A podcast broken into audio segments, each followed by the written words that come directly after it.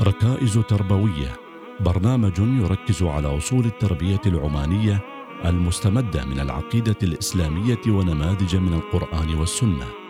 مع المرشدة الدينية إيمان المسكرية من دائرة التعليم والإرشاد النسوي بوزارة الأوقاف والشؤون الدينية.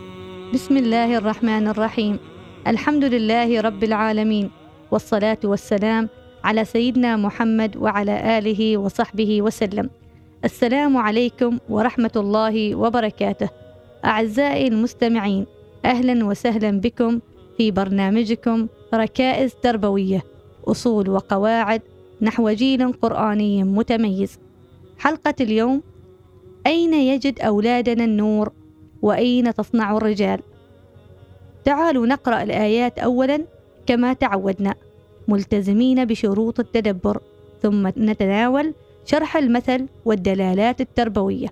الله نور السماوات والأرض مثل نوره كمشكاة فيها مصباح المصباح في زجاجة.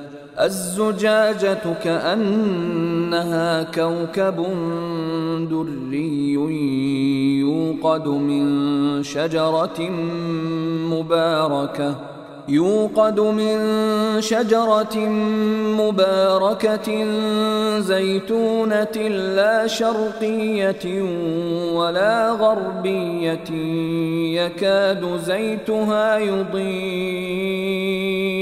يكاد زيتها يضيء ولو لم تمسسه نار. نور على نور. يهدي الله لنوره من يشاء. ويضرب الله الأمثال للناس. والله بكل شيء عليم. في بيوت أذن الله أن ترفع ويذكر فيها اسمه يسبح له فيها يسبح له فيها بالغدو والآصال. رجال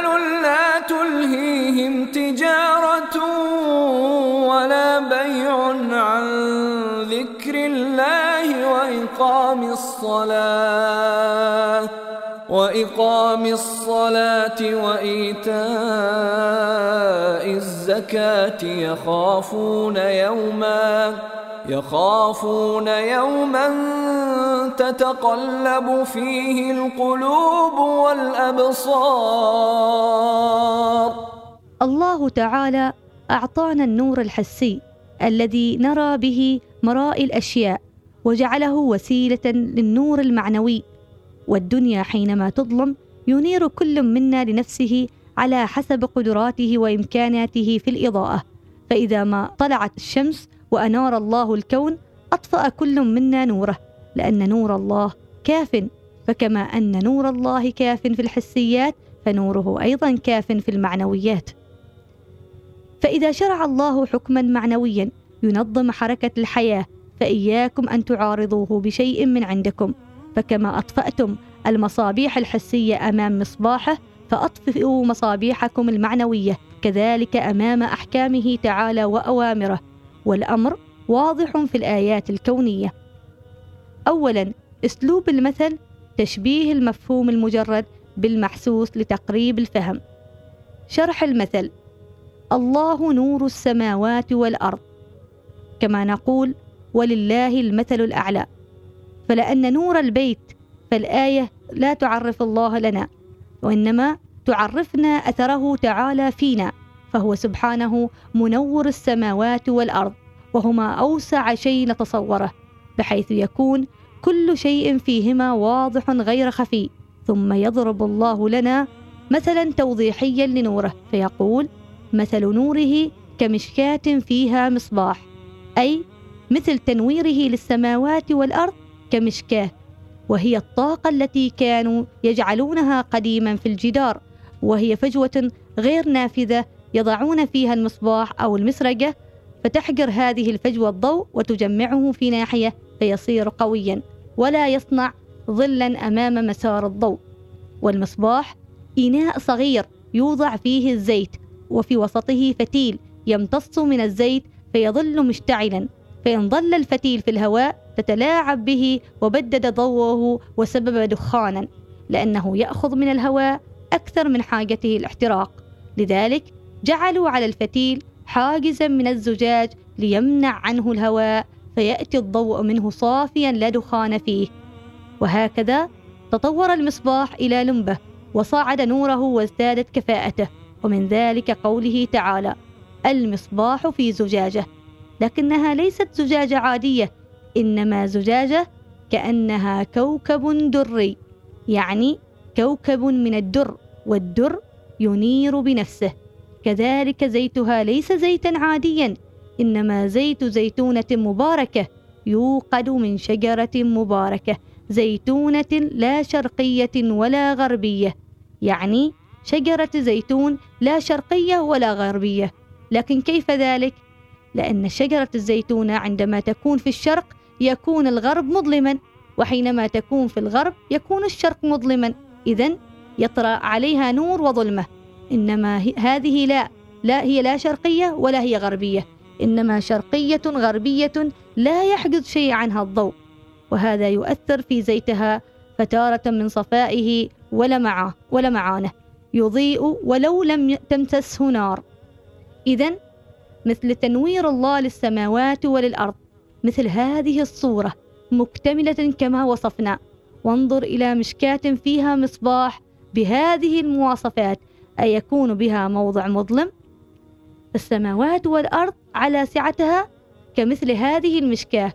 والمثل هنا ليس لنور الله وإنما لتنويره للسماوات والأرض. أما نوره تعالى فشيء آخر فوق أن يوصف. وما المثل هنا إلا لتقريب المسألة إلى الأذهان. أعزائي المستمعين نلاحظ هنا عدة أمور تدبرية. أولا يهدي الله لنوره من يشاء أي لنوره المعنوي نور المنهج ونور التكاليف. الكفار لم يهتدوا إلى هذا النور وإن اهتدوا إلى النور الحسي في الشمس والقمر وانتفعوا به وأطفأوا له مصابيحهم لكنهم لم يكن لهم حظ. في النور المعنوي حيث أغلقوا دونه عيونهم وقلوبهم وأسماعهم فلم ينتفعوا به. وكان عليهم أن يفهموا أن نور الله المعنوي مثل نوره الحسي لا يمكن الاستغناء عنه. لذلك جاء في الأثر عن علي بن أبي طالب من تركه من جبار قسمه الله ومن ابتغى الهدى في غيره أضله الله. والعجيب أن العبد كلما توغل في الهداية ازداد نورا على نور. كما قال تعالى يا أيها الذين آمنوا إن تتقوا الله يجعل لكم فرقانا.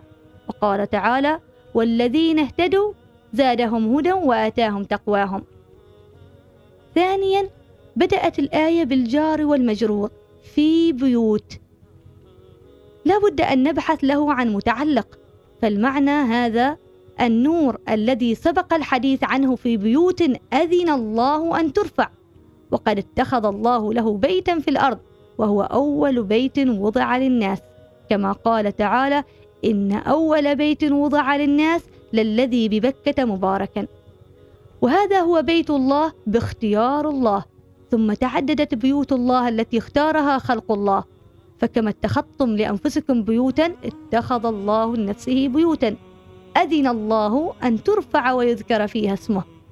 ونحن وأولادنا عيال الله وسوف نجد ويجدون الراحة في بيته تعالى كما نجد الراحة في بيوتنا.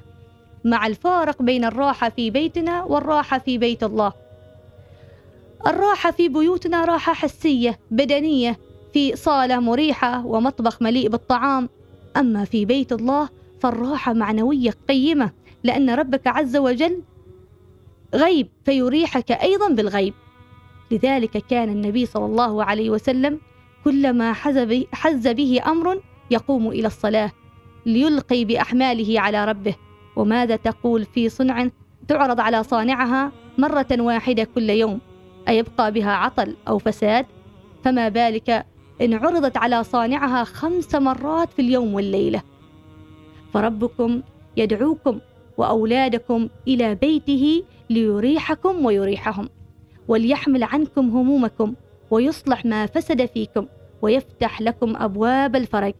إذا فنور على نور.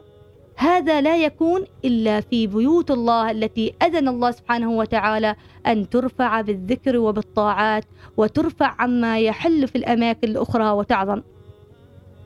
ولكن قبل تزويد أولادنا بنور المساجد ينبغي أن نعلمهم أن البيوت كلها لها مستوى واحد لكن ترفع بيوت عن بيوت وتعلى وقد رفعت بيوت الله بالطاعة والعبادة.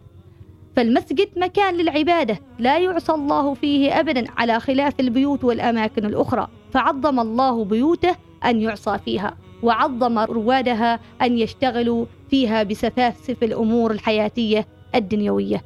فعليهم إذن أن يتركوا الدنيا على باب المسجد كما يتركون الحذاء.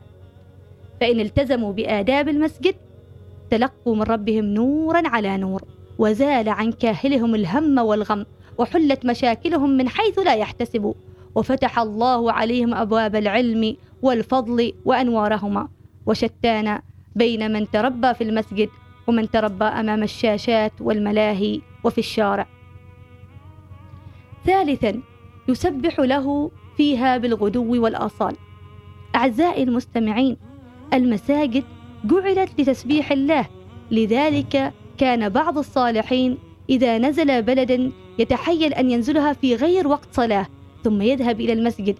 فإذا وجد عامرا في غير وقت صلاة بالمسبحين علم أن هؤلاء ملتزمين بمنهج الله. حيث يجلسون قبل وقت الصلاة يسبحون الله وينتظرون الصلاة. وإن وجد الحال غير ذلك انصرف عنها وعلم أنها بلد لا خير فيها. والغدو أعزائي المستمعين يعني الصباح والآصال يعني المساء فهي لا تخلو ابدا من ذكر الله وتسبيحه. وقد وصف هؤلاء الذين يعمرون بيت الله بالذكر والتسبيح بأنهم رجال لا تلهيهم تجارة ولا بيع عن ذكر الله. أعزائي المستمعين وما دلالة ذلك تربويا؟ إن المساجد الآن فارغة من المسبحين تعكس مجتمعنا قل فيه الرجال. وما الحل؟ الحل أعزائي المستمعين العودة بأولادنا وخصوصا الصغار منهم إلى المساجد لا في وقت الصلاة وحسب وإنما أيضا في وقت الذكر والتسبيح.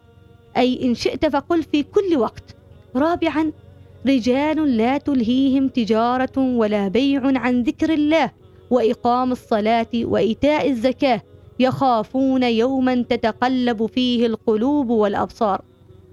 أعزائي المستمعين إن التجارة هي قمة حركة الحياة لأنها واسطة بين منتج زارع أو صانع وبين مستهلك.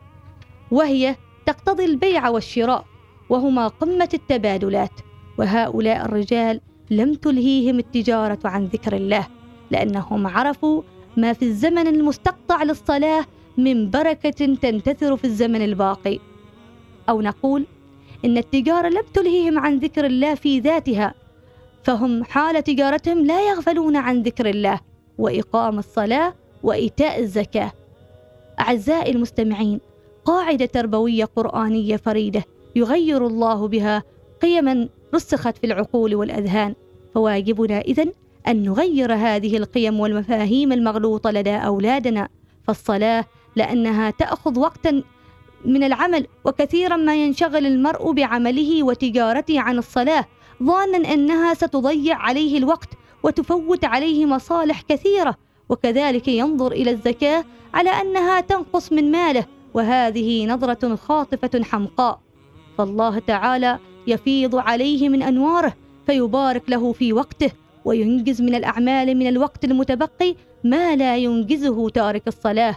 أو يرزقه بصفقة رابحة تأتيه في دقائق من حيث لا يحتسب. والبركة كما قلنا قد تكون سلبا وقد تكون ايجابا. وهذه كلها أنوار وتجليات يفيض الله بها على الملتزم بمنهجه. ثم يقول الله سبحانه وتعالى في صفات هؤلاء الرجال يخافون يوما تتقلب فيه القلوب والأبصار. ذلك لأنهم يسعون إلى هدف أسمى وأخلد.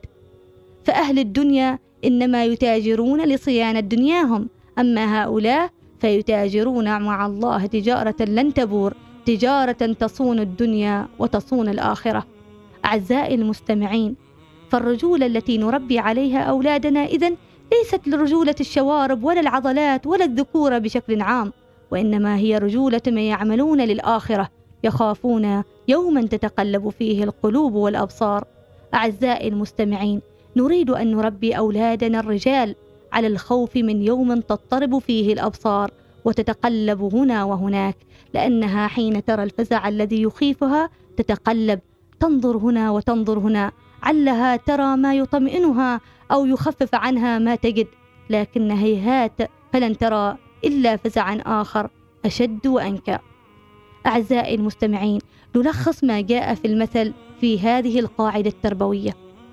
أعيدوا أبناءكم إلى المساجد فهناك يتجلى النور الإلهي الذي ينير عقولهم وقلوبهم ويفتح لهم أبواب العلم والفهم وعلموهم حب المساجد وإقامة الصلاة وإيتاء الزكاة وتفضيلها على متاع الدنيا الزائل. فتلك هي الرجولة المفقودة الآن في عالمنا المعاصر. ولا ريب أن المساجد هي مصانع الرجال.